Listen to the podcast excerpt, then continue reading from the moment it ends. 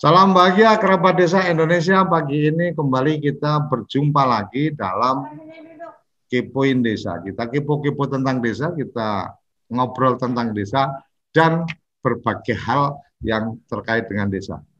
Pagi ini luar biasa kita kehadiran Mas Heri, salah satu pendiri mungkin atau apa nanti Mas Heri bisa ceritakan tentang sebuah gerakan. Kalau kemarin ada gerakan komunitas cinta desa Mas Tohirin hari ini ada gerakan desa emas. Saya membayangkan awalnya ini desa emas ini agendanya adalah bagaimana desa-desa nanti bertransaksi pakai keping-keping emas gitu kan. Tapi ada juga dari uh, dari uh, judul yang kita bawakan hari ini adalah mem, peta jalan menuju keemasan desa. Jadi kayaknya saya salah menangkap tentang desa emas. Supaya nggak salah tangkap, kita sapa langsung Mas Heri. Mas Heri, selamat pagi. Terima kasih sudah bergabung. Yuk.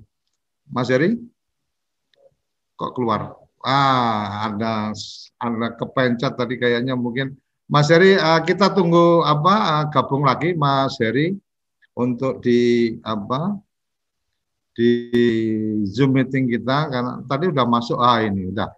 Mas Heri? Iya, sudah Pak. bergabung lagi? Alhamdulillah sudah, Pak. sempat sempat hilang dari tampilan. Oke, Mas Heri, selamat pagi Sugeng Kenyang. Apa kabar? Sehat? Pagi, Mas Surya. Alhamdulillah sehat, sehat, sehat sekali. Alhamdulillah. Ini Mas uh, menuju keemasan desa. Jadi apakah dulu desa itu memang sesuatu yang emas kemudian kita kembalikan lagi atau desa itu sebenarnya hari ini adalah potensi untuk apa menjadi sesuatu yang mulia yang luar biasa. Kalau kalau di TV desa kami selalu mengajak atau membawa pada sebuah semangat bagaimana memuliakan desa. Mas Heri dengan apa nah, desa emasnya kita perlu tahu nih. Mas Heri silakan berbagi cerita tentang Desa Emas. Saya ingin jadi pendengar yang baik, tetapi mungkin tetap uh, akan menyela kalau memang ada sesuatu yang ingin saya tanyakan secara langsung. Silakan Mas Heri. Oke, Maturun. Terima kasih Mas Suryo. Selamat pagi para uh, patriot desa. Ya, hari ini mungkin uh, saya ingin berbagi tentang suatu gerakan ya, peta jalan uh, membangun kemasan desa. Seperti Mas Hiro tadi sampaikan bahwasannya memang uh, modal terbesar kita hari ini memang adalah desa-desa uh, yang ada di Indonesia ya, hampir 80 ribu bahkan. Ini sebuah modal yang uh, Allah karuniakan kepada bangsa Indonesia sebagai pilar-pilar membangun uh, kemasan bangsa kita, Mas Suryo. Hmm. Nah, uh, bicara tentang kemasan tentu banyak aspek-aspek yang uh, apa uh, tersimpan di sana ya, aspek kemuliaan. Jadi kalau ngomongin emas ini sebenarnya yang membedakan ya tentu aspek nilai-nilai ataupun uh, kemuliaan yang sedang di apa di dikembangkan hmm. di desa-desa itu ya potensi-potensi yang ada nilai luhur yang selama ini uh, ter, uh, ada di sana dan kemudian sebenarnya saat ini ber, berkontribusi terhadap uh, apa namanya um, katakanlah kebutuhan-kebutuhan di kota itu sendiri. Nah, uh, aspek emas ini uh, ini yang mau kita jaga nih, Pak. Jangan sampai nanti emas emas ini terkeruk oleh uh, pihak-pihak lain gitu ya atau bahkan terdegradasi gitu sehingga nilai-nilai itu menjadi hmm. menjadi turun. Nah, kita ingin bangun ini karena ini sebagai uh, pilar uh, kemajuan bangsa kita gitu Mas Yuri. Nah, mungkin beberapa hal ya ya kita coba kembangkan prinsipnya memang uh, kita ketahui dari jumlah desa yang ada ini 62 persennya masih ada di eh, apa di bawah ya garis uh, kemiskinan atau desa tertinggal misalnya. Nah ini yang harus kita coba kembangkan jangan sampai nanti potensi-potensi desa yang yang ada di desa ini tidak tereksplorasi dengan dengan baik gitu sehingga mereka mendapatkan uh, nilai-nilai dari dari luar gitu. Nah, untuk itu kita memang membangun uh, sebuah pendekatan Mas Suryo ya. Banyak mungkin uh, banyak mungkin uh, apa namanya gerakan-gerakan ataupun partisipasi-partisipasi uh, yang ini saya share izin share ya Mas ya. Silakan silakan. Sebentar saya uh, cek dulu. Oh, oh sudah sudah. Oh silakan langsung Mas. Ah oke. Okay. Jadi memang prinsipnya yang ingin kita kembangkan di desa-desa ini untuk aspek perubahan ya, kita harus uh, berangkat dari kesadaran uh, para penduduk desa itu sendiri bahwasannya sesungguhnya hmm. desa itu tidak akan berubah manakala mereka tidak ingin, tidak ingin merubah itu gitu kan. Tuhan tidak akan merubah hmm. nasib suatu desa kecuali warga desa itu sendiri Mas yang mau merubah dirinya sendiri. Nah, Makanya memang kita harus bangun membangun jiwanya, membangun badannya untuk Indonesia Raya. Nah, itu yang kita lakukan hmm. gitu. Jadi aspek-aspek itu. Nah, ini uh, beberapa pendekatan empiris sih. Kenapa sih kita mungkin harus ke desa gitu ya? Uh, hmm. apa bagaimana kemudian kita harus berhijrah nih, menghijrahkan desa dari kondisi yang yang apa? yang ya kurang kurang apa kurang apa sekarang ya kurang ideal ya kurang menjadi lebih hmm. lebih baik. Nah spirit hijrah itu kan kalau di Muslim ya uh, Nabi Muhammad SAW ini abad ke-6 spiritual uh, reformnya itu hijrah dari Mekah ke ke Madinah. Ya, kemudian ada juga di uh, Jepang Marihiko Hiramatsu ini tahun 1950 hmm. juga dengan gerakan One Village One Productnya. Kemudian dilanjutkan Pak Chung Hee, uh, Presiden Korea Selatan ya tahun 71. Mereka juga melakukan reformasi uh, atau revolusi mental nih uh, dengan gerakan hmm. small undongnya. Ini bisa mengantarkan kemudian perubahan-perubahan yang cukup signifikan. Deng Xiaoping, Cina, OFOF, uh, ada Fileton Enterprise, uh, Dato Sri Mahathir, Taksi Watra, dan terakhir ya kita gerakan desa emas ya, uh, hmm. revolusi mental patriot desa. Satu desa, satu industri. Targetnya itu. Selama ini kan kita mungkin satu desa, desa satu? Satu desa, satu industri, Mas. Itu target oh. kita. Jadi uh, kenapa harus ada industri di desa? Nah, ini kan kuncinya. Selama ini mungkin para petani uh, apa yang ada di desa ini mereka berada di sisi hulu ya dalam aspek hmm. budidaya. Tapi ketika panen di mana setiap petani ini berharap panen itu mendapatkan sebuah income, sebuah perubahan gitu ya Eh, atau dari hasil panen itu sendiri, tapi mereka tidak mendapatkan manfaat ekonomi yang cukup besar gitu. Justru yang terjadi adalah mereka ditekan ketika panen ya kan, bahkan diijon dulu nih ya kan, karena bicaranya bahan baku kalau bicara industri gitu. Industri ini tidak ada di desa, gitu kan. Ketika ada industri, maka nilai tambah dari hasil budaya itu kan bertambah tuh pak, ya kan. Kayak yeah. misalnya kelapa lah kita lihat nih negeri rayuan rayuan Pulau Kelapa ini kan hmm. uh, ini kelapa ini kalau kita lihat ada yang harga sekarang lima ratus rupiah per butir ada yang bahkan seribu gitu kan ini kan ironis padahal nilai tambahnya kalau itu diolah ada satu industri di sana yang berbasis hmm. desa itu bisa sampai 8.800 persen mas nilai tambahnya ya kebayang 8 kalau 8.800 persen dengan berbagai produk Uish. turunannya gitu ya. Hmm. Sekarang kita nggak usah ngomongin 1.600 produk gitu turunan. Kita 15 produk turunan yang bisa diolah dari hasil budidaya tersebut saja itu sudah bisa memakmurkan desanya gitu. Nah ini makanya target kita satu uh, desa satu satu industri agar apa? Agar hasil budidaya petani itu memiliki nilai tambah. Nah nilai tambah itu yang menjadi selisih margin yang cukup besar yang selama ini dinikmati oleh uh, ya katakanlah pemodal-pemodal besar gitu ya.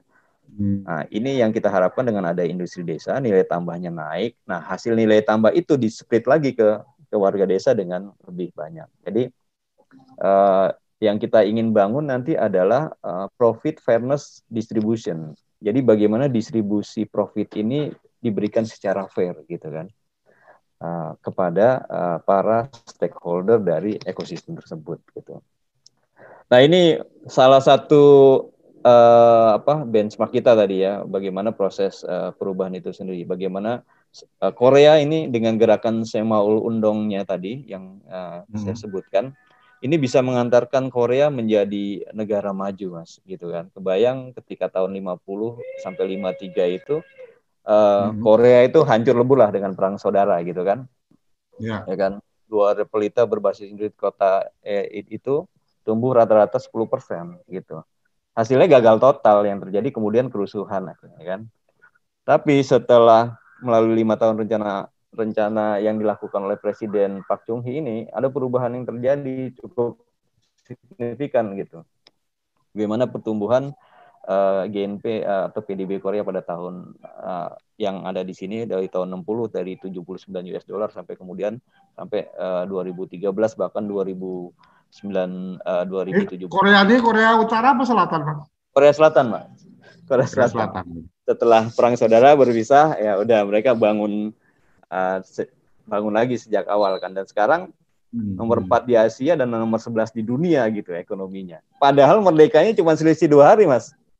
Mereka 15 gitu ya? Agustus tahun 45 kita 17 Agustus tahun 45 tapi ya kita bisa bandingkan bagaimana posisi Korea Selatan hari ini dan posisi kita gitu. Nah ini sebagai sebuah ini aja ya, apa inspirasi untuk kita uh, berkembang. Nah, oleh karenanya dari situ kita merumuskan sebuah roadmap ya peta jalan ini yang uh, beberapa kali saya sebutkan ke Mas Suryo nih. Jadi hmm. kita memang uh, banyak ter apa istilahnya gerakan-gerakan kepedulian membangun desa dan kesadaran membangun desa sebagai fundamental ekonomi kita, tapi kemudian kita uh, kadangkala bergerak secara sporadis. Oleh karena kita merumuskan sebuah roadmap ya, peta jalan. Jadi peta jalan bagaimana kita bisa membangun desa ini tahap demi tahap. Makanya kita klasifikasikan nih uh, hmm. di desa ini dari tahap satu bangkit ya. Ini lebih ke aspek transfer knowledge, membangun awareness ya, sosialisasi program desa emas ya, yang kita lakukan. Uh, ini kita bangun kita berikan dulu nih uh, wawasan tersebut gitu. Kemudian nanti masuk ke tahap kedua, tahap maju. Masyarakat yang harmonis, sejahtera, akses desanya mudah dan tingkat pendidikan dan kesehatan lebih baik. Sampai kemudian nanti tahap tiga desa itu terbang, bisa terbang gitu ya. Mengembangkan usaha ber, bersama BUMDesnya yang kemarin kita bahas sama Mas uh, Rifki menciptakan produk unggulan desa, infrastruktur dan lingkungan desa yang lebih baik. Nah, ini tahapan yang ingin kita uh, apa uh, uh, bangun ya atau kita mulai ketika membangun satu desa. Nah, di sini kemudian ada pilar-pilarnya, Mas, gitu. Pilar pertama tadi kita diskusi tentang bagaimana kemudian kita memperbaiki aspek karakternya dulu. Jangan sampai hal hal-hal yang apa fundamental ini uh, tidak tersentuh lebih dulu gitu. Makanya pilar pertama adalah bina karakter. Kuncinya gampang sebenarnya. Kita bisa cari 10 pemuda desa aja yang istilahnya yang apa uh, tidak mau limo lah itu aja ukurannya mas yang common ya di kita ya kan ya nggak nggak main apa oh, ya. Filo, filosofi Jawanya ya orang mau limo ya mau limo nah ini pemuda desa cari 10 pemuda desa yang ya nggak nggak apa istilah nggak nggak apa nggak cuti nggak obat nggak main perempuan dan seterusnya gitu kan hmm. penyakit-penyakit masyarakat yang dosanya paling sedikit lah gitu kalau diklasifikasikan. Nah ini kita kira-kira kita bisa starting dari situ sebenarnya. Kalau memang wah ini merubah semua karakter penduduk desa ini agak agak susah misalnya. Kita mulai dengan itu. Nah baru nanti dari aspek uh, bina karakter ini katakanlah kesolehan pribadi ya. Ini menjadi kesolehan uh, komunal. Ini masuk ke pilar keduanya lagi. Nanti kita persaudara, persaudarakan jadi di sini ada bina saudara. Jadi satu bina karakter, selanjutnya bina saudara, mempersaudarakan. Eh, nah kunci di sini memang kita highlight itu gotong royong. Jadi ketika satu dengan yang lainnya sudah satu frekuensi, satu visi, gitu kan, uh, ikatannya cukup kuat, kita perkuat lagi dengan persaudaraan. Nah, gotong royong sebagai uh, komitmen atau bentuk ya uh, dari Eh, persaudaraan itu sendiri. Bagaimana perbaikan lingkungan, infrastruktur desa itu bisa kita lakukan dengan dengan bina saudara ini, Mas. Bahkan di beberapa daerah kayak di Sumbawa itu mereka ada program Thomas. Jadi berbagi uh, apa istilahnya kantong Thomas. Kantong Thomas isinya tuh cuman ini, Mas, beras ya kan, uh, minyak gitu. Itu diberikan kepada warga desa yang memang secara ekonomi belum beruntung, ya kan. Hmm. Nah, itu untuk membangun persaudaraan gitu. Ada yang mungkin uh, menolong membangun uh, rumahnya yang sudah hampir roboh, bahkan mungkin membersihkan de, membersihkan danau ataupun setu yang banyak gulmanya. Kemudian uh, ada yang juga membangun misalnya saluran air. Nah, itu dilakukan secara gotong royong. Nah, selanjutnya nanti masuk ke pilar ketiga, Mas. Ini bina sinergi. Ya. Bina, bina sinergi. Hmm, bagaimana kita mensinergikan resources yang ada di desa dengan karakter dan persaudaraan yang cukup kuat itu ya kita membuka lapangan usaha bersama. Nah, sinergi ini nanti bisa juga dengan pihak-pihak luar karena mungkin aspek modal desa misalnya terbatas atau resource desa terbatas ini kita bisa sinergi se, uh, secara kelembagaan atau secara uh, teknologi gitu ya ya kayak kemarin misalnya bumdes ya, aplikasi bumdes ini kan sebenarnya sinergi di aspek teknologi mas Orang-orang hmm. desa untuk bangun aplikasi itu kan susah kan. Nyatet hmm. aja gitu manual. Tapi era sekarang kan agak sulit gitu ketika kemudian uh, itu semakin masif gitu. Hmm. Nah, ini nanti saya singkat aja. Hmm. Dan terakhir ini silakan supaya supaya kerabat desa yang mengikuti acara ini jadi gamblang bahwa yeah. agenda gerakannya bisa menginisiasi mengikuti tahapan tahapan yang dilakukan pada titik tertentu mungkin bisa berkomunikasi dan apa bersinergi atau bergabung dalam uh, gerakan ini. Silakan, ya. silakan. Ya, oke. Okay. Selanjutnya ini nanti masuk ke pilar yang keempat yaitu bina dana. Ya, biar bagaimanapun ketika kita bicara industri desa, ya kita juga bicara tentang uh, modal untuk pengembangan uh, industri itu sendiri. Nah, di sini kita memang uh, berharap industri ini dimiliki masyarakat, Mas. Itu yang pertama. Hmm. Jadi uh, aspek kemandirian ya, malu jadi benalu, tangan di atas ini kita harus bangun di di apa di kalangan masyarakat desa itu sendiri. Agar apa? Agar ada sebuah alternatif permodalan ya uh, yang tentunya berasal dari mereka sendiri. Makanya sedih, misalnya ada sebuah gerakan di salah satu desa binaan kita Sedina Sewu, Mas. Sehari seribu. Itu sebuah bentuk kontribusi awal dulu nih dalam konteks bina dana itu ya. Hmm. Uh, ada yang modelnya jimpitan kayak gitu. Ini Indonesia banget lah pokoknya Mas. Gitu hmm. kan. Nah, ini nanti dikumpulkan menjadi satu modal gitu. Ya, satu modal kemudian mengembangkan industri di desanya gitu. Menjadi pusat kegiatan ekonomi dan kesejahteraan masyarakat ya. Bisa juga tadi BMT seperti itu. Jadi nanti memang industri-industri yang ada di desa, kalaupun misalnya uh, katakanlah modal uh, modalnya terbatas, setelah uh, dari modal masyarakat ini, dia nanti bisa masuk ke aspek uh, bekerja sama atau sinergi tadi dengan pihak lain. Tetapi kepemilikan industri ini kuat di di masyarakat desa, mas. Gitu. Hmm. Jadi melalui pendekatan melalui kooperasi kah nanti ya, misalnya ada PT uh, industri pengolahan kelapa, tapi kemudian pemegang sahamnya adalah masyarakat melalui kooperasi yang dibentuk di desa-desa. Yang dibentuk di desa, mereka di situ ada jimpitan dan segala macam. Nah ya, itu yang kita lakukan. Kalaupun misalnya ada pihak lain, investor yang lain yang tertarik berinvestasi di sana, itu kita bikin sebuah term and condition. Bagaimana pada tahun tertentu itu kembali ke, masyarakat. Jadi pendekatan as usual business. Jadi buybacknya oleh masyarakat gitu. Karena seiring dengan waktu kan mereka punya kemampuan itu gitu. Hmm. Itu yang uh, di pilar keempat. Nah, yang pilar kelima ini bina pasar. Nah, bagaimana kemudian produk-produk unggulan tadi yang dihasilkan dari industri-industri desa ini kita rating tuh Mas dari dari bintang 1 sampai bintang 5. Nah, ujungnya bintang 5 ini sebenarnya yang siap ekspor. Bisa go, go global, go ekspor. Nah, ini produk unggulan yang kita kurasi uh, sedemikian rupa dari semua aspek ya kualitas kemasan gitu.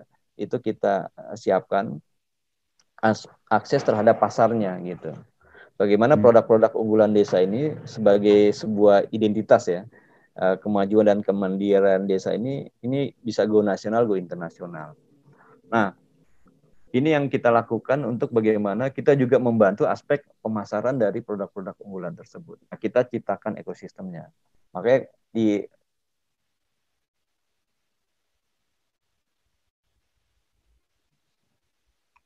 Halo. Halo, Mas. Audionya nggak keluar ya?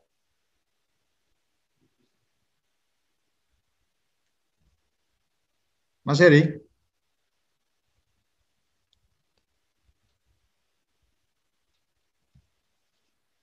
Ah, sepertinya kita ada kendala dengan apa? Akses sinyal.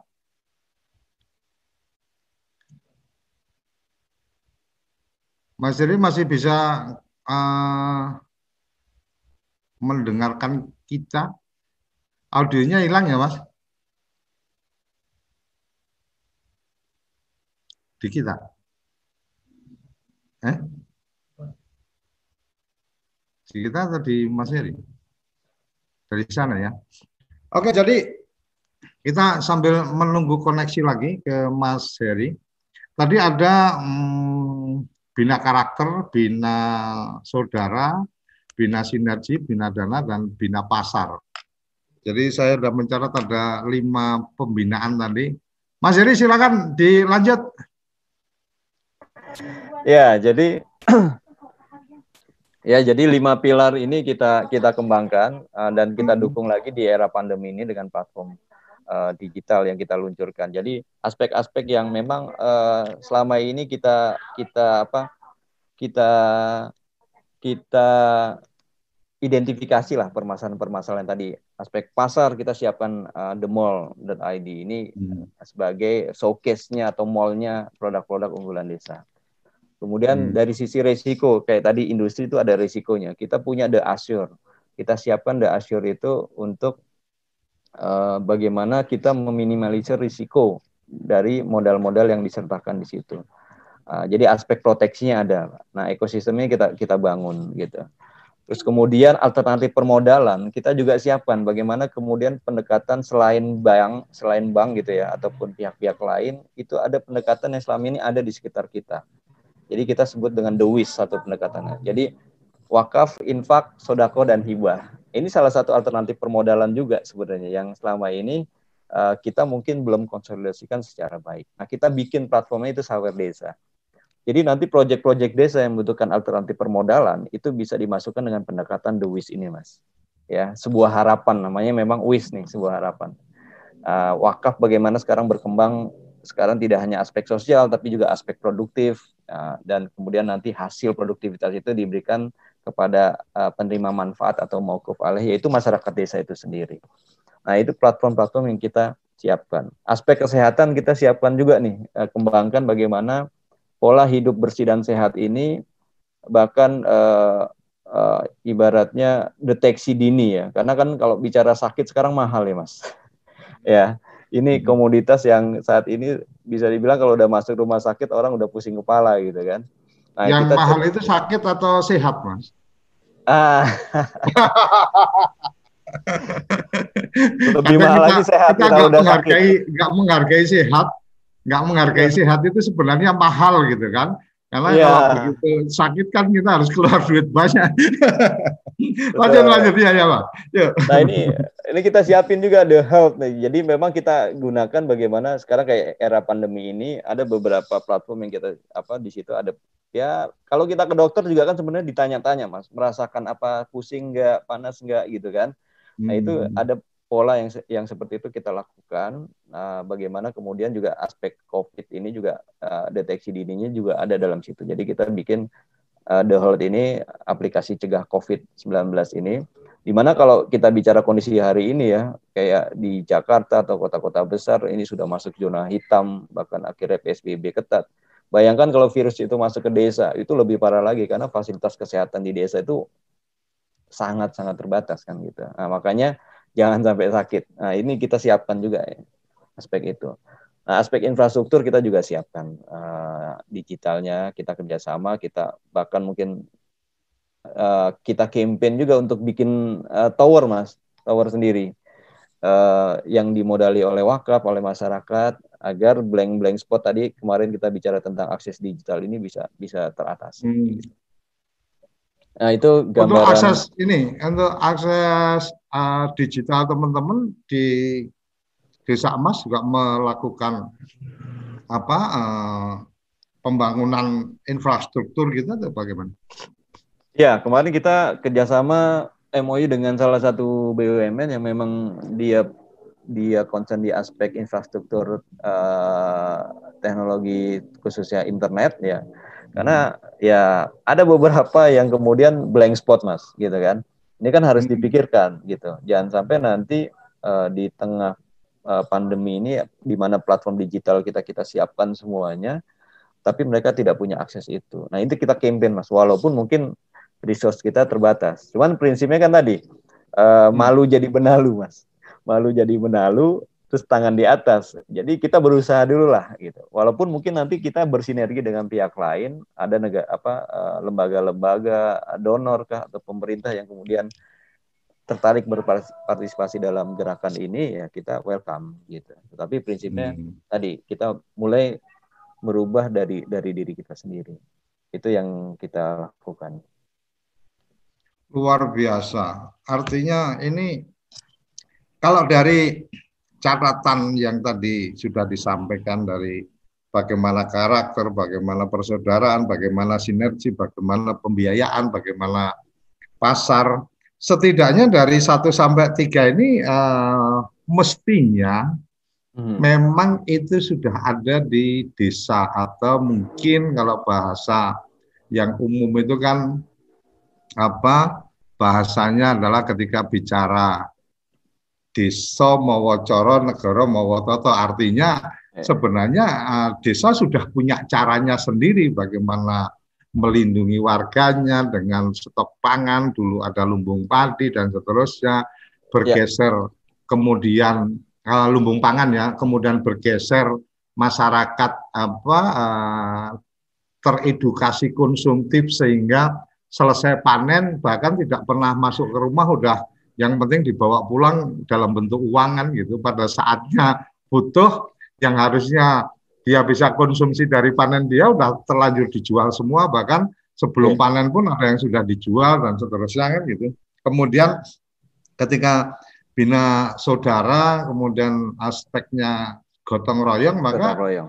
ya sebenarnya ke kehidupan di desa kita dulu itu sepaham saya ya dalam berhubungan dengan apa orang lain itu semangatnya adalah semangat persaudaraan kekeluargaan dalam gerakan itu bergotong royong kan gitu mas? Artinya melubus kontrol baris apa gugur gunung segala macam itu kan bagian dari ketika bicara apa beraktivitas maka beraktivitas bersama-sama ketika uh, bicara pada apa uh, hubungan interpersonal maka kekeluargaan yang diutamakan bukan? Kemudian dikit-dikit dibawa ke Pak RT dibawa ke polisi kan gitu kalau dulu seingat saya kan uh, waktu di kampung dulu zaman kecil saya itu kalau ada orang mencuri dan yang mencuri itu adalah orang di kampung itu itu nggak pernah dibawa ke polisi ya diselesaikan ya di apa eh, Pak Kadus di sidang di situ dan seterusnya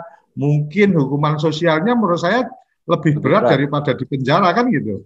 Jadi uh, diarak rame-rame gitu kan, cuma dikasih apa suruh pakai celana pendek terus dikasih kalungan tulisan itu nggak hmm. akan nyolong lagi gitu, diarak keliling anak-anak pada ngeriakin di belakangnya itu kan yang malu nggak cuma si anak itu tapi juga keluarganya kan gitu. Tapi itu menurut saya kadang lebih efektif. Akhirnya kemudian ya kalau mau nyolong ya di kampung lain biar mau dipukulin atau mau dibawa ke polisi silakan. Tapi kalau di kampung sendiri pasti akan jadi sangat malu kan gitu. Ini mungkin yeah. ada bagian-bagian yang sampai di sinergi dulu. Uh, sama masih ingat betul ketika bicara mungkin membangun rumah atau apa itu kadang-kadang ya bahasanya sambatan gitu. Artinya yeah. ketika tenaga kita membantu untuk yuk ngangkutin bata dan seterusnya, ya nggak ada hitungan 100 bata harus dibayar berapa ya itu namanya apa keber, apa sinergitas ya artinya oh ada yang bisa nukang ya udah pas waktunya longgar dia yang ngerjain, ada yang bisa bantu apa ngangkutin bata dan seterusnya atau apa ngangkutin bambu itu bagian yang sinergitas itu bisa bisa terjadi sehingga lebih sebenarnya ya banyak pelajaran ya mas yang dari desa itu ya. Ketika sinergi seperti itu kan jadi lebih ekonomis. Artinya kalau bicara kalau bicara matematis membangun rumah harus ongkos tukangnya berapa dan ketika kemudian ada gotong royong itu kan jadi lebih ekonomis. Secara duit nggak harus terlalu banyak. Paling cuma ngasih makan siang atau apa kan ya. Luar biasa nih mas. Artinya banyak hal yang sebenarnya sudah ada. Ini coba digali kembali kemudian dihidupkan kembali. Kira-kira kayak gitu mas mungkin dengan ya, tambahan, tambahan betul sekali. sekarang ya? Ya betul sekali mas. Jadi kemarin kan kita sempat diskusi bagaimana kemudian nilai-nilai luhur di desa ini ternyata tergerus dengan adanya globalisasi ya kan? Akses informasi dan lain sebagainya. Nah ini hmm. yang perlu dijaga nih mas. Jangan sampai kemudian tadi kan orang dapatkan uh, inspirasi dari desa-desa yang ada di kita atau di Indonesia kemudian hmm. membangun negaranya dan terbukti malah lebih maju. Sementara kita yang sudah punya mutiara ini nih nilai-nilai ini malah nggak bergerak-gerak gitu. Jadi dari... kita yang kita yang jadi tempat belajar malah jadi kelihatan bodoh gitu ya, karena yang lain lebih maju. Tinggal nunggu waktu aja gitu aspek ketinggalannya gitu kan. Ya, ini kan okay. uh, ironis gitu, ironis gitu. Tapi ya. Oke, okay, Mas Yari, uh, menarik sekali kita akan masuk nanti di sesi kedua kita akan apa jeda sesaat untuk kita nikmati kopi kita pagi ini. Jangan ya. ke mana-mana, kenapa desa siapkan pertanyaan uh, kalau uh, yang ada di channel YouTube bisa masuk melalui apa chatting YouTube yang ingin masuk menyampaikan langsung di Zoom bisa berkirim WA ke official uh, WA kami 083 kali 01317160 kami akan share untuk apa link Zoom-nya. Jangan ke mana-mana, tetap di Kepoin Desa. Kamu tinggal di pulau terpencil, pegunungan pinggiran kota, atau daerah di Indonesia yang tidak terjangkau jaringan fiber, ADSL, dan juga 3G. Internetan dengan cepat pasti cuma akan menjadi mimpi. Mau pakai tol langit, pakai desa wifi, kunjungi www.desawifi.id. Ayo, kandidat kepala daerah, manfaatkan kesempatan ini. TV Desa mengundang Anda bicara desa. 5 menit bisa. Bicara Desa. Sebuah program tayangan monolog, konsep membangun dari desa. Dari kandidat untuk masyarakat. 5 menit bisa. Bicara Desa. Hanya di TV Desa.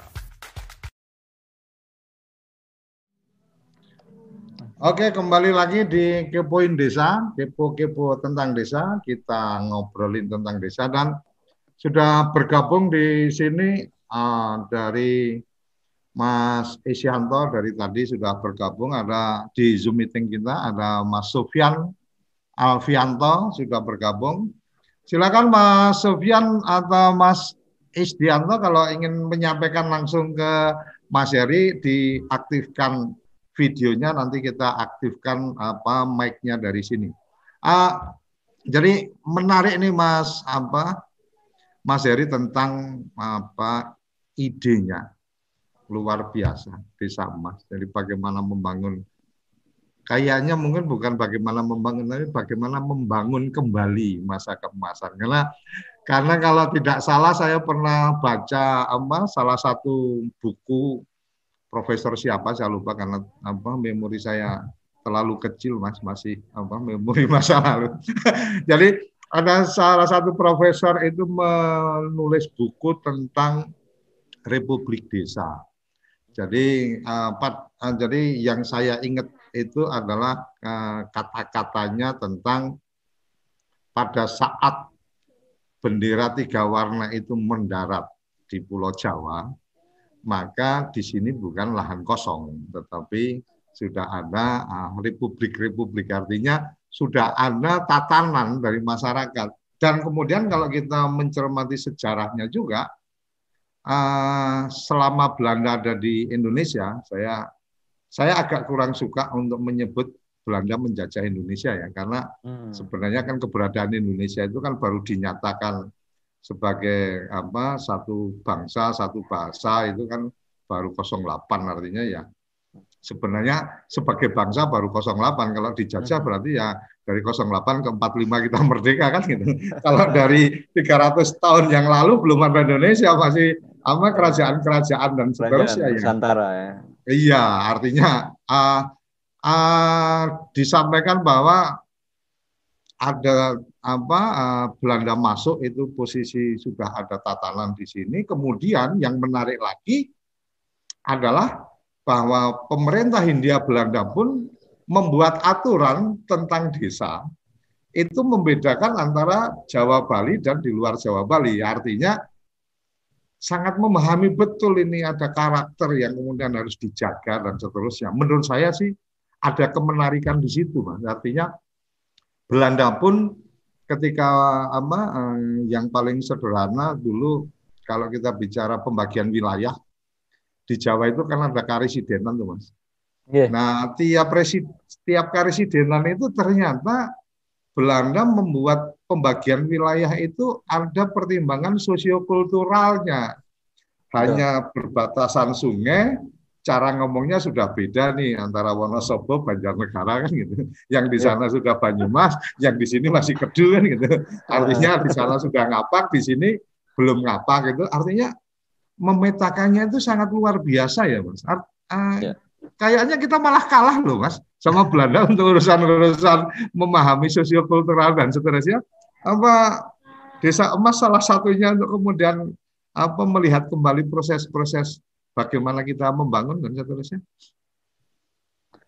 Ya, tentu Mas. Jadi memang uh, hal yang terpenting adalah kemampuan kita mengidentifikasi tadi aspek hmm. uh, demo apa lapangan kita atau demogra banyak faktor ya demografinya ke, atau sosial kultural yang ada ini yang memang kita petakan makanya ketika kita merumuskan uh, satu program kerja desa itu ada sebuah pendekatan uh, rembuk desa namanya pak.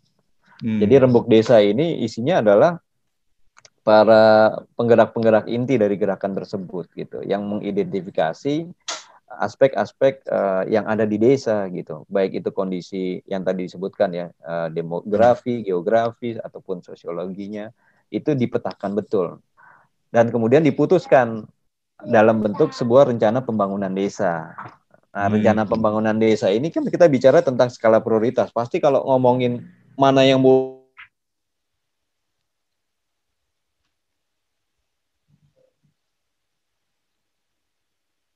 mau dibangun, mana yang mau dilakukan, ya. itu listnya pas uh, perlu kita bangun lebih dulu. Hmm. Ya, halo. Ya. Mana yang perlu kita bangun lebih dulu uh, dengan pendekatan-pendekatan lima pilar tadi, gitu kan? Itu hmm. yang kita kita mulai lebih awal, gitu. Nah, hmm. tentu artinya uh, need assessment itu sudah ada di di awal. Jangan sampai kemudian nanti kita melakukan sesuatu yang sesungguhnya uh, tidak sesuai dengan uh, konteks desa tersebut, gitu ya tidak hmm. sesuai dengan kondisi kekiniannya juga gitu kan kita harus pertimbangkan aspek itu uh, makanya Mas ada rembuk di nah, Mas aku menangkap tadi artinya ada menangkap tadi yang disampaikan itu adalah hmm.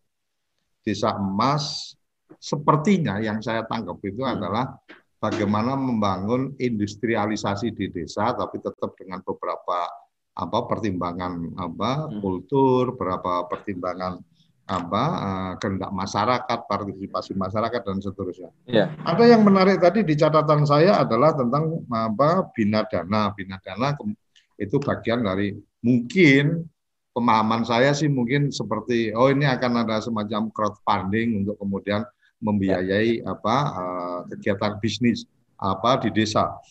Ya. Uh, saya ingin ingin mencoba agak agak dalam nih mungkin.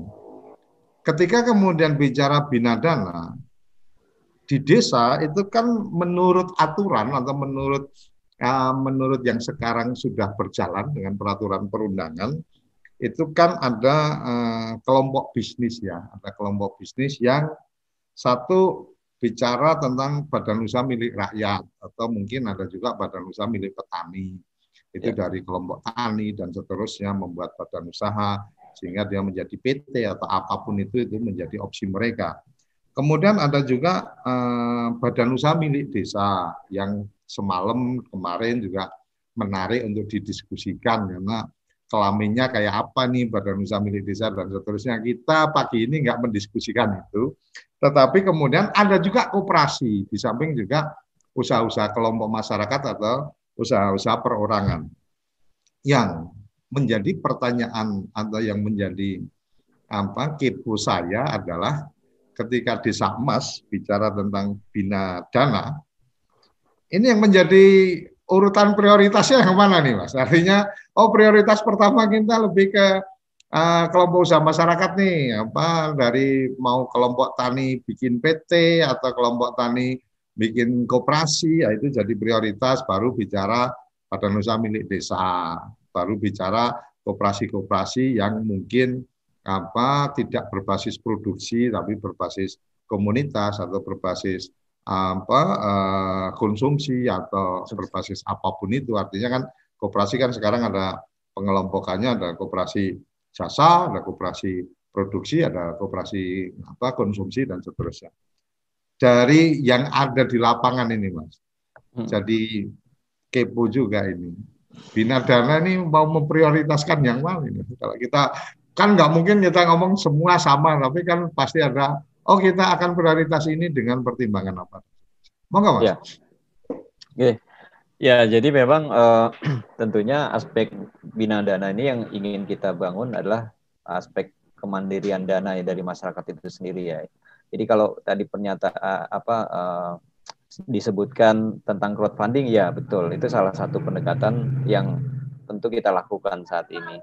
Termasuk kami juga menyiapkan platformnya, Mas ya hmm. dengan sawer desa itu sawerdesa.com ini kita uh, development itu hmm. uh, untuk tentunya juga mengundang partisipasi masyarakat uh, uh, lebih luas ya di luar desa ini kan banyak sebenarnya yang uh, hari ini warga desa yang melakukan urbanisasi kan atau mereka pergi ke kota merantau di kota kemudian menetap di sana dengan kondisi ekonomi yang lebih baik gitu kan hmm. ini kan sebenarnya diaspora desa nih mas ya. Okay. Ya kadang-kadang mereka mereka memang tidak ada di desanya. Ya, tetapi hmm. saya yakin hubungan emosional dengan desanya pasti makin kuat dong harusnya. Gitu kan. Mereka juga ingin berpartisipasi. Nah, pendekatan platform ini yang kita kita buat untuk menangkap uh, apa hubungan emosional itu. Mereka tidak hadir secara fisik di desa, tapi mungkin aspek ekonominya bisa, uh, apa aspek dananya mungkin bisa berpartisipasi katakanlah hari ini kita bicara tentang isu global tentang sustainable development goals itu adalah uh, deurbanisasi, bagaimana menekan uh, kaum urban di kota, artinya orang-orang desa harus betah di desa gitu kan targetnya itu, hmm. atau yang di kota kembali ke desa. Hmm. Nah, kalau belum belum sampai orangnya yang berpindah kembali ke desa gitu kan, hmm. minimal dananya dulu yang yang pindah ke desa gitu. Jadi the urban artinya artinya silahkan tetap stay di kota mencari penghidupan yes. di kota tapi tabungan kamu investasikan ke desa gitu.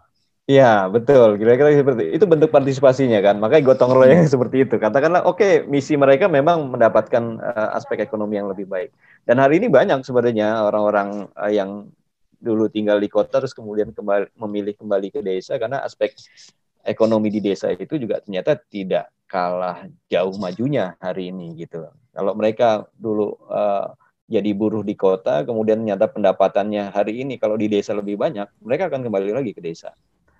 Nah, aspek ini yang kita siapkan untuk crowdfunding ya. Uh, ya harapannya the urban the urbanisasi modal dulu nih sebelum the urbanisasi orang gitu. Hmm. Uh, kembali ke desa. Nah, kita siapkan itu agar apa tadi memang kita bicara tentang priority kan akhirnya. Prioritas uh, mana yang mau dimodalin. Sebenarnya kita bisa bangun semua itu ekosistemnya saling terkait, Mas.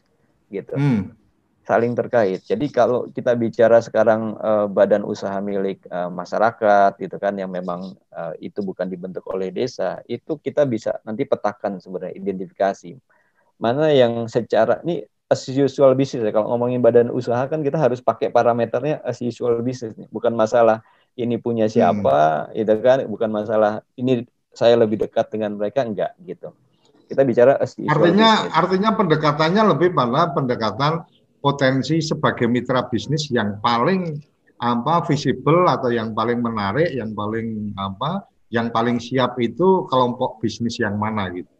Yes, tidak, betul. Tidak berbicara kepada bahwa oh kami lebih memprioritaskan koperasi, kami lebih memprioritaskan bumdes, tapi lebih pada kami lebih memprioritaskan kepada kelompok uh, bisnis yeah. masyarakat yang memang siap untuk menjadi mitra dan yeah. menarik secara bisnis.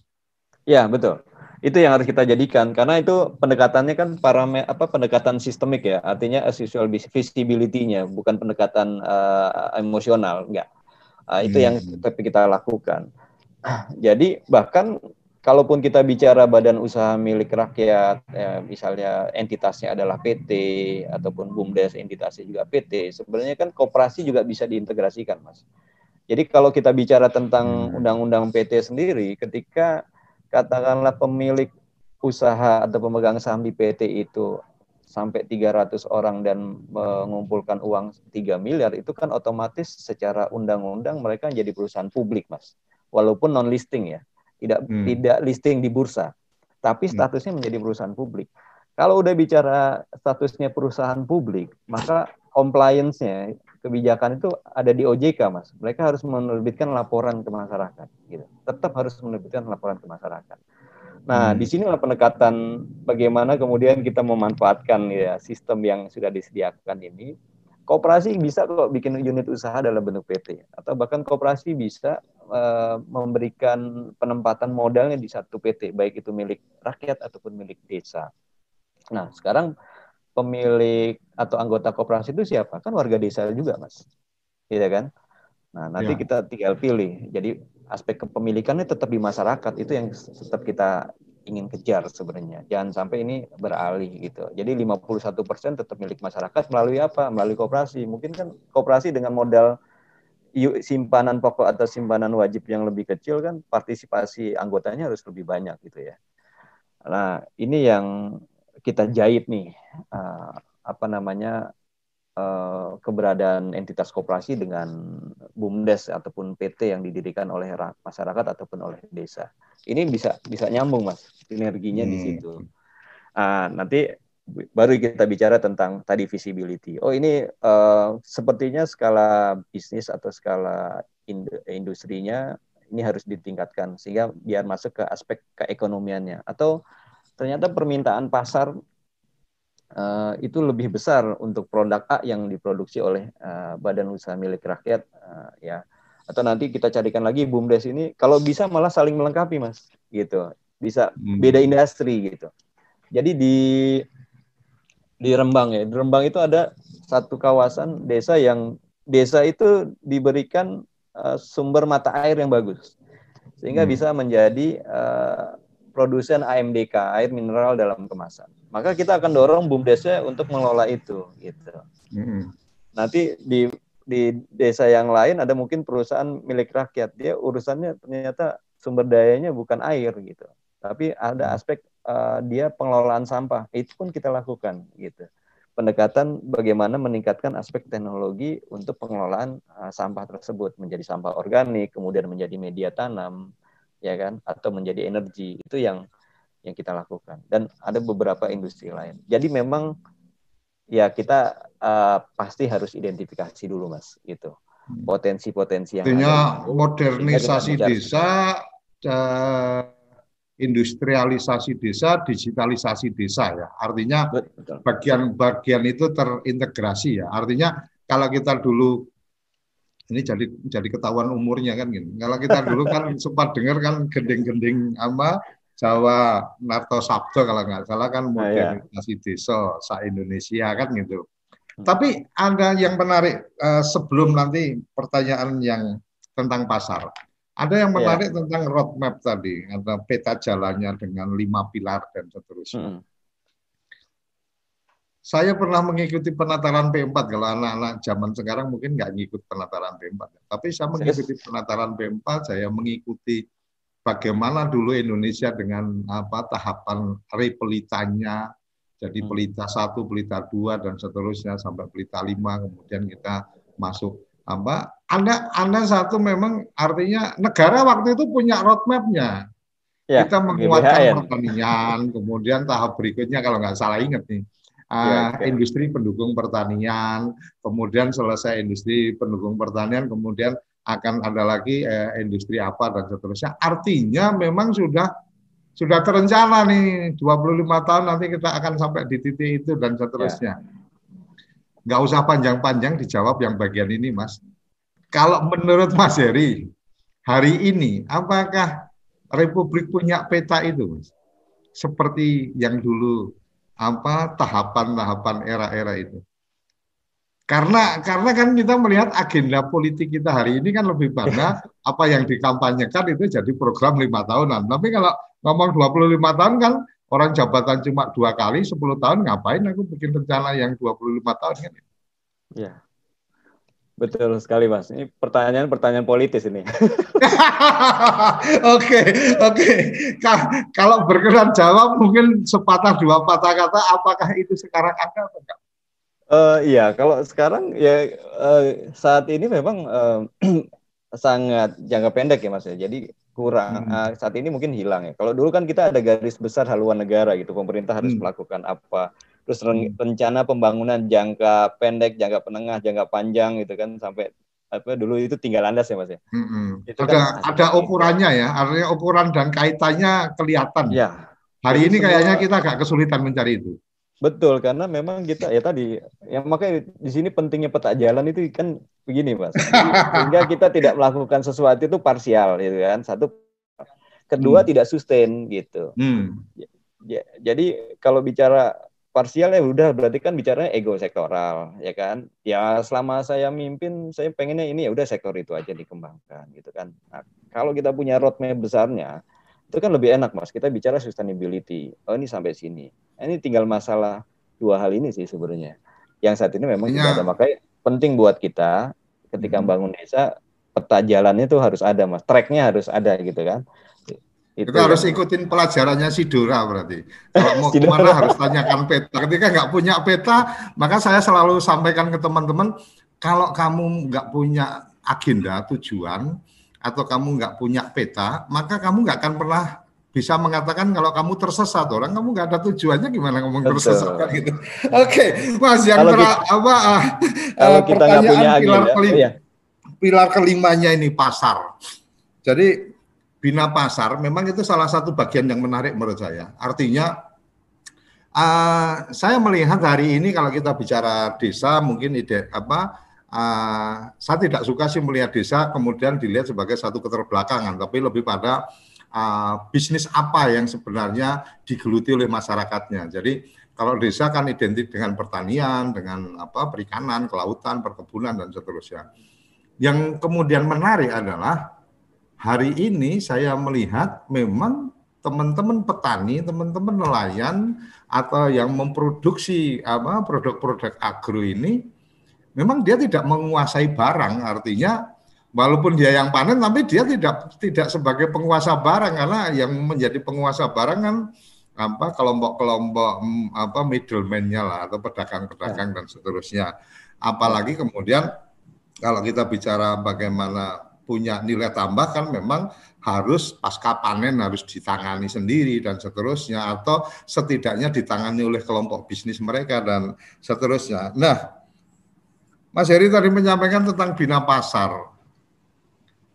Pertanyaannya adalah apakah kemudian desa emas ini atau komunitas ini memang sudah apa membawa koneksi potensi pasar atau kemudian mencermati potensi dulu baru mencarikan pasar. Artinya lebih lebih lebih lebih asik atau lebih meng, lebih memulai dari mana, Mas?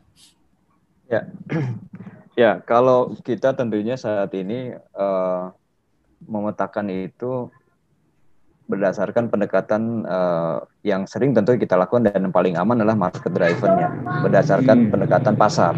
Jadi beberapa kita juga kan berjejaring nih pak dengan ya. apa uh, akses apa Semaul uh, Global League ini kita hmm. punya koneksi dengan jaringan-jaringan uh, global. Nah, di hmm. sini kita bisa bisa melihat kebutuhan pasar uh, terkait dengan produk-produk yang uh, mereka butuhkan. Kayak misalnya sekarang uh, porang gitu ya. Nah, hmm. kami kenapa budidaya porang? Padahal porang ini adalah tanaman hutan. Bahkan kalau hmm. kita makan secara tradisional justru tidak layak makan, justru beracun ya, gitu. Ya, betul. Tetapi di Jepang itu menjadi satu kebutuhan yang luar biasa dan harganya cukup tinggi. Nah, Tapi kita harus dengan sudah, pengolahan dulu kan itu ya, Mas ya? Yes, betul. Harus dulu, ada aspek pengolahan dulu, dicip dulu hmm. ya di proses tersebut. Nah, ini kita sudah punya off takernya di Jepang. Nah, hmm. kita punya ukuran market size permintaannya dia berapa sih, market size-nya berapa, terus uh, kebutuhan dia berapa di hmm. Jepang itu. Ya kita hmm. akan arahkan misalnya, oke okay, ini budidaya porang ini layak untuk di dikembangkan di desa-desa. Karena tadi nilai tambahnya lebih tinggi orientasi pada ekspor. Hmm. uh, dan kos kos budidaya mungkin lebih murah gitu, sebenarnya hmm. gitu. Nah ini kita bisa masuk dari situ. Tapi ada juga sih pendekatan yang kemudian uh, kita memetakan dari desa itu sendiri gitu. Beberapa di antaranya juga misalnya ikan gitu ya di desa Eretan Kulon itu. Itu mereka kan memang basically nelayan gitu tapi kalau nelayan kemudian tangkap timbang jual itu kan apa istilahnya umur umur uh, ikan itu kan nggak nggak nggak panjang gitu makanya kita kemudian berinisiasi untuk membuat sebuah industri pengolahan ikan di sana uh, hmm. ada sekarang tepung ikan mas uh, yang kita bangun di sana dan itu ada pendekatan uh, partisipasi dari pihak uh, swasta. Hmm. Uh, kita datangkan investasi di situ. Mereka hmm. mungkin sudah punya inisiasinya, tapi skala bisnisnya perlu ditingkatkan gitu. Nah, kita masukkan uh, undang investor baru ke ke source-nya hmm. ada dan pasarnya juga ada. Walau pasarnya juga ada, tepung itu juga ada. Tapi skala prioritas kita memang biasanya market driven mas itu kebutuhan terhadap uh, atas pasar yang cukup besar artinya artinya tahap uh, quote unquote yang kemudian hmm. menjadi lebih asik adalah ketika satu posisi oh ada permintaan pasar seperti ini kemudian ya. teman-teman melakukan mapping oh daerah mana nih begitu betul oh daerah ini punya potensi kemudian melakukan pembinaan menjadi lebih simple untuk hmm. bisa masuk karena jelas membawa potensi untuk pasar daripada ya. kemudian oh teman-teman ada masalah ini untuk pemasaran kemudian mencarikan ini apa uh, secara secara tanggung jawab jadi lebih berat ya Mas ya. Artinya oh ini ada produk yang over produk harus dibuang uh, mungkin yeah. effortnya jauh lebih berat daripada kita memang sudah punya apa punya pasar untuk kita bawa ke teman-teman di desa mungkin gitu ya. Karena memang yeah. Karena memang teman-teman teman-teman petani, teman-teman di desa secara karakter mungkin uh, akan menjadi lebih gampang untuk kemudian uh, kita datang, oh ini loh ada kebutuhan kayak gini, kamu bisa dan seterusnya, oke okay, nanti kita dampingi dan seterusnya, mereka ya. akan lebih gampang, lebih welcome daripada kemudian apa uh, tun, uh, mereka sudah over produk dan seterusnya kita yang di minta carikan pasar kadang-kadang ya memang oh sebenarnya sudah ada pasar-pasar yang berjalan ya. tetapi ada masalah di situ gitu ya. Ya, dua okay. itu ada ada semua tuh Mas gitu. Ah, Oke. Okay. Ini saya terakhir saya mau kasih gambaran uh, ini aja visual aja ya Mas ya. ya tentang uh, ini satu menit ya. Oke. Okay. Nah, ini uh, tentang penerapan lima pilar itu. Jadi kita punya ukuran kan nih fase bagaimana kemudian fase pilar satu, pilar dua sampai dengan pilar lima ini uh, mm -hmm.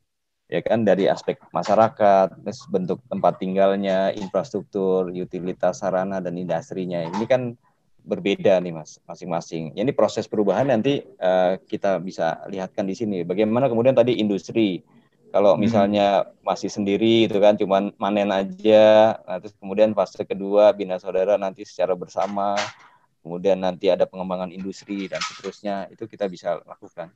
Jadi kondisi infrastruktur masing-masing juga uh, uh, ini uh, tentu perbe ada perbedaannya ketika pilar-pilar ini sudah diterapkan gitu mas. Jadi oh, ketika bina baru tahap bina karakter kan kita bicara tentang individu aja gitu. Mm -hmm. Kalau udah bina masuk ke pilar kedua bina saudara kita sudah melibatkan antar masyarakat partisipasinya nih. Ya, hmm. aspek keswadayaan nah, ini kan uh, perlu kita bangun. Terus nanti aspek bina sinergi ini sudah partisipasi lebih lebih luas lagi, tidak hanya potensi yang ada di desa tapi juga di, di luar kita datangkan aspek teknologi kita masukkan. Terus nanti aspek dana, ya kan tadi aspek industrinya sudah, oh ini hmm. sudah butuh pengembangan untuk industri uh, yang lebih lebih besar lagi biar angka keekonomiannya masuk. Nah, itu masuk di uh, pilar keempat dan sampai kemudian pilar kelima bina pasar produk-produk ini sudah go global uh, uh, ekosistem masyarakat sudah kebentuk. Tadi misalnya dari yang tadinya desa ini hanya sebuah lokasi bisa menjadi sebuah destinasi mas gitu kan. Hmm. uh, kemudian pasti rumahnya juga beda infrastrukturnya juga lebih bagus gitu kan. Utilitasnya juga lebih lebih lebih lengkap gitu. Sampai industri jauh lebih maju sudah ke ekspor. Ini kira-kira gambarannya ya ujungnya memang ini nanti ada fase-fasenya sih mas. Ini kira-kira ringkasan-ringkasannya gitu ya. Nanti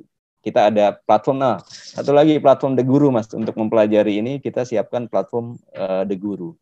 Jadi kalau dulu kita dampingi datang ke lokasi-lokasi ini sekarang kita pakai digital mereka bisa belajar materi-materi ini di platform kita nantinya. Ujungnya memang nanti ada awarding mas. Uh, ya bagaimana kemudian desa desa ini kita berikan apresiasi atas proses perubahan yang mereka lakukan ya dari sebutan dari desa Pancasila, desa global, desa man, sampai dengan uh, desa mandiri. Ini yang kita akan uh, lakukan di di mana di desa Mas. Kira-kira begitu.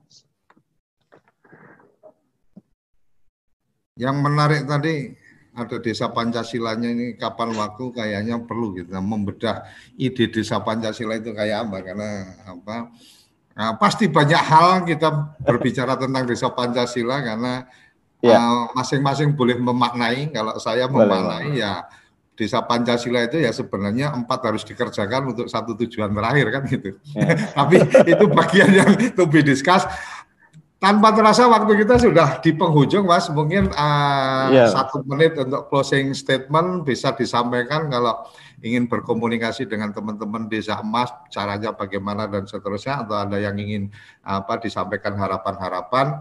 Juga uh, sekaligus saya menitip pesan Mas Heri bisa share apa uh, materinya ke kita karena semua tamu yang ada di program-program acara TV Desa yang hmm. kemudian menyampaikan presentasinya kami berharap itu bisa dilihat atau diunduh di uh, slide share-nya uh, TV Desa Center. Silakan, Mas. Baik, Mas Suryo. Ya, Bapak Ibu para patriot, uh, kita harus sadari bahwasannya uh, proses perubahan ini selalu harus dimulai dari kita. Jadi kalau kami di para, para patriot ini punya sebuah uh, fals, apa sebuah uh, falsafah atau yang kita pegang bahwasannya kita bisa melakukan semua itu. Jadi ya we can do, will do dan must do. Jadi bisa, mau dan harus. Nah, ini semua akhirnya bermula dari kita. Ketika kita ingin satu perubahan, ya kita harus memulai dari dari diri kita sendiri. Nah, patri, uh, para patriot-patriot uh, bangsa yang kata para expert ini nanti berpartisipasi dalam uh, mendukung aspek perubahan yang diinginkan oleh para uh, penggerak-penggerak desa atau para patriot desa. Dan kita harus sadari bahwasannya 80 ribu desa ini, hampir 80 ribu desa ini adalah modal besar kita untuk membangun uh, kemajuan bangsa kita. Bagaimana kemudian desa-desa emas yang nanti terbangun ini bisa menjadi uh, pilar-pilar kemajuan menuju Indonesia Emas 2045. Nah, untuk lebih jauh tentang Desa Mas, Bapak Ibu bisa uh, berkunjung ke web kami desamas.com. Uh, Kemudian bisa follow Instagram ataupun Facebook atau mungkin subscribe di Desa Mas TV yang ini tentu kita akan update terus program-program ataupun informasinya dan bisa juga mengikuti pelatihan ataupun workshop di platform kita theguru.com yang kita siapkan uh, untuk transfer knowledge ataupun transfer skill uh, tentang gerakan desa emas ini dan mudah-mudahan kita bisa sukses bersama uh, dan membangun masyarakat desa ini sehingga kesejahteraan kita bisa uh, lebih meningkat. Demikian Mas Suryo. Terima kasih. Oke. Terima kasih sekali dan terima kasih Mas Jamroni dari Lamongan eh, apa sudah bergabung di Zoom meeting kita. Mohon maaf karena waktunya terbatas sehingga belum sempat bisa langsung berkomunikasi. Supaya nggak telat untuk bisa gabung ngobrol-ngobrol dengan tamu-tamu istimewanya Kepoin Desa, jangan lupa pantengin jam 8 sampai jam 9 channel YouTube kita atau kemudian bisa uh, berkirim WA ke official WA TV Desa untuk kita share link Zoom apa link Zoom kita sehingga bisa bergabung dan bisa berkomunikasi dengan tamu-tamu istimewa kita. Sampai di sini Kepoin Desa hari ini semoga kita semua selalu dalam kesehatan di masa pandemi ini. Salam bahagia kerabat desa. Sampai jumpa di episode berikutnya. Terima kasih.